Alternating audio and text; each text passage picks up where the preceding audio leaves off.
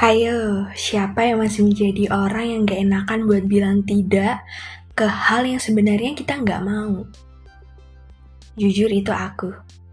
Atau mungkin kalian juga masih menjadi seseorang yang gak enakan buat bilang tidak.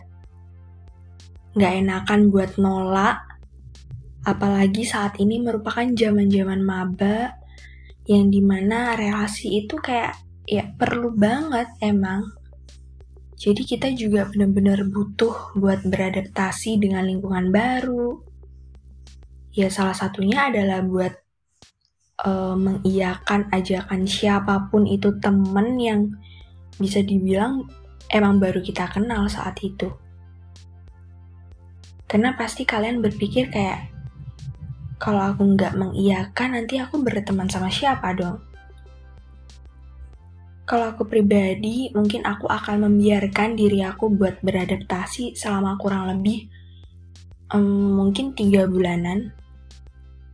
Lepas dari itu, mungkin aku akan berusaha buat membatasi ke hal-hal yang emang sebenarnya aku nggak dulu buat mengiyakan.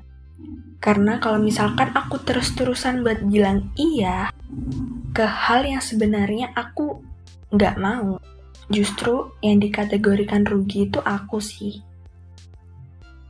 Dan semakin ke sini aku jadi sadar bahwa nggak apa-apa buat bilang enggak dulu. Toh respon mereka juga bisa menerima. Uh, kalaupun pada kenyataannya mereka nggak bisa menerima, ya udah. Kita juga nggak bisa ngontrol perasaan atau pendapat orang ke kita kan. Lagi-lagi dari sini kita bisa belajar bahwa ya jangan terus-terusan buat berusaha untuk membuat orang lain hmm, seneng, untuk membuat orang lain tersenyum. Kalau kenyataannya pada saat itu kita merasa dirugikan, yang ujung-ujungnya mungkin uh, kamu jadi uh, sedikit-sedikit yang menyalahkan diri kamu sendiri lagi-lagi yang salah diri sendiri kan? Kamu nggak mungkin menyalahkan orang lain. Kamu pasti menyalahkan diri sendiri kayak ngapain sih tadi ikut? Kayak gitu kan? Misal nih harusnya hari ini kamu punya to-do list buat mengerjakan salah satu uh, tugas atau salah satu uh, project kamu misal.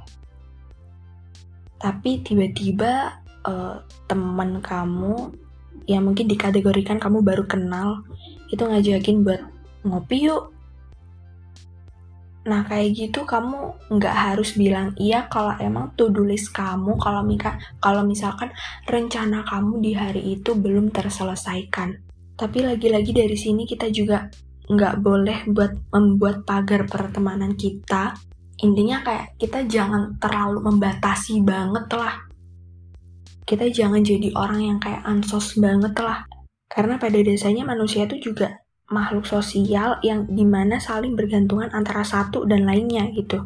Intinya ya harus tahu lah mana hal yang harus memprioritaskan diri sendiri dan mana yang emang harus memprioritaskan orang lain dulu.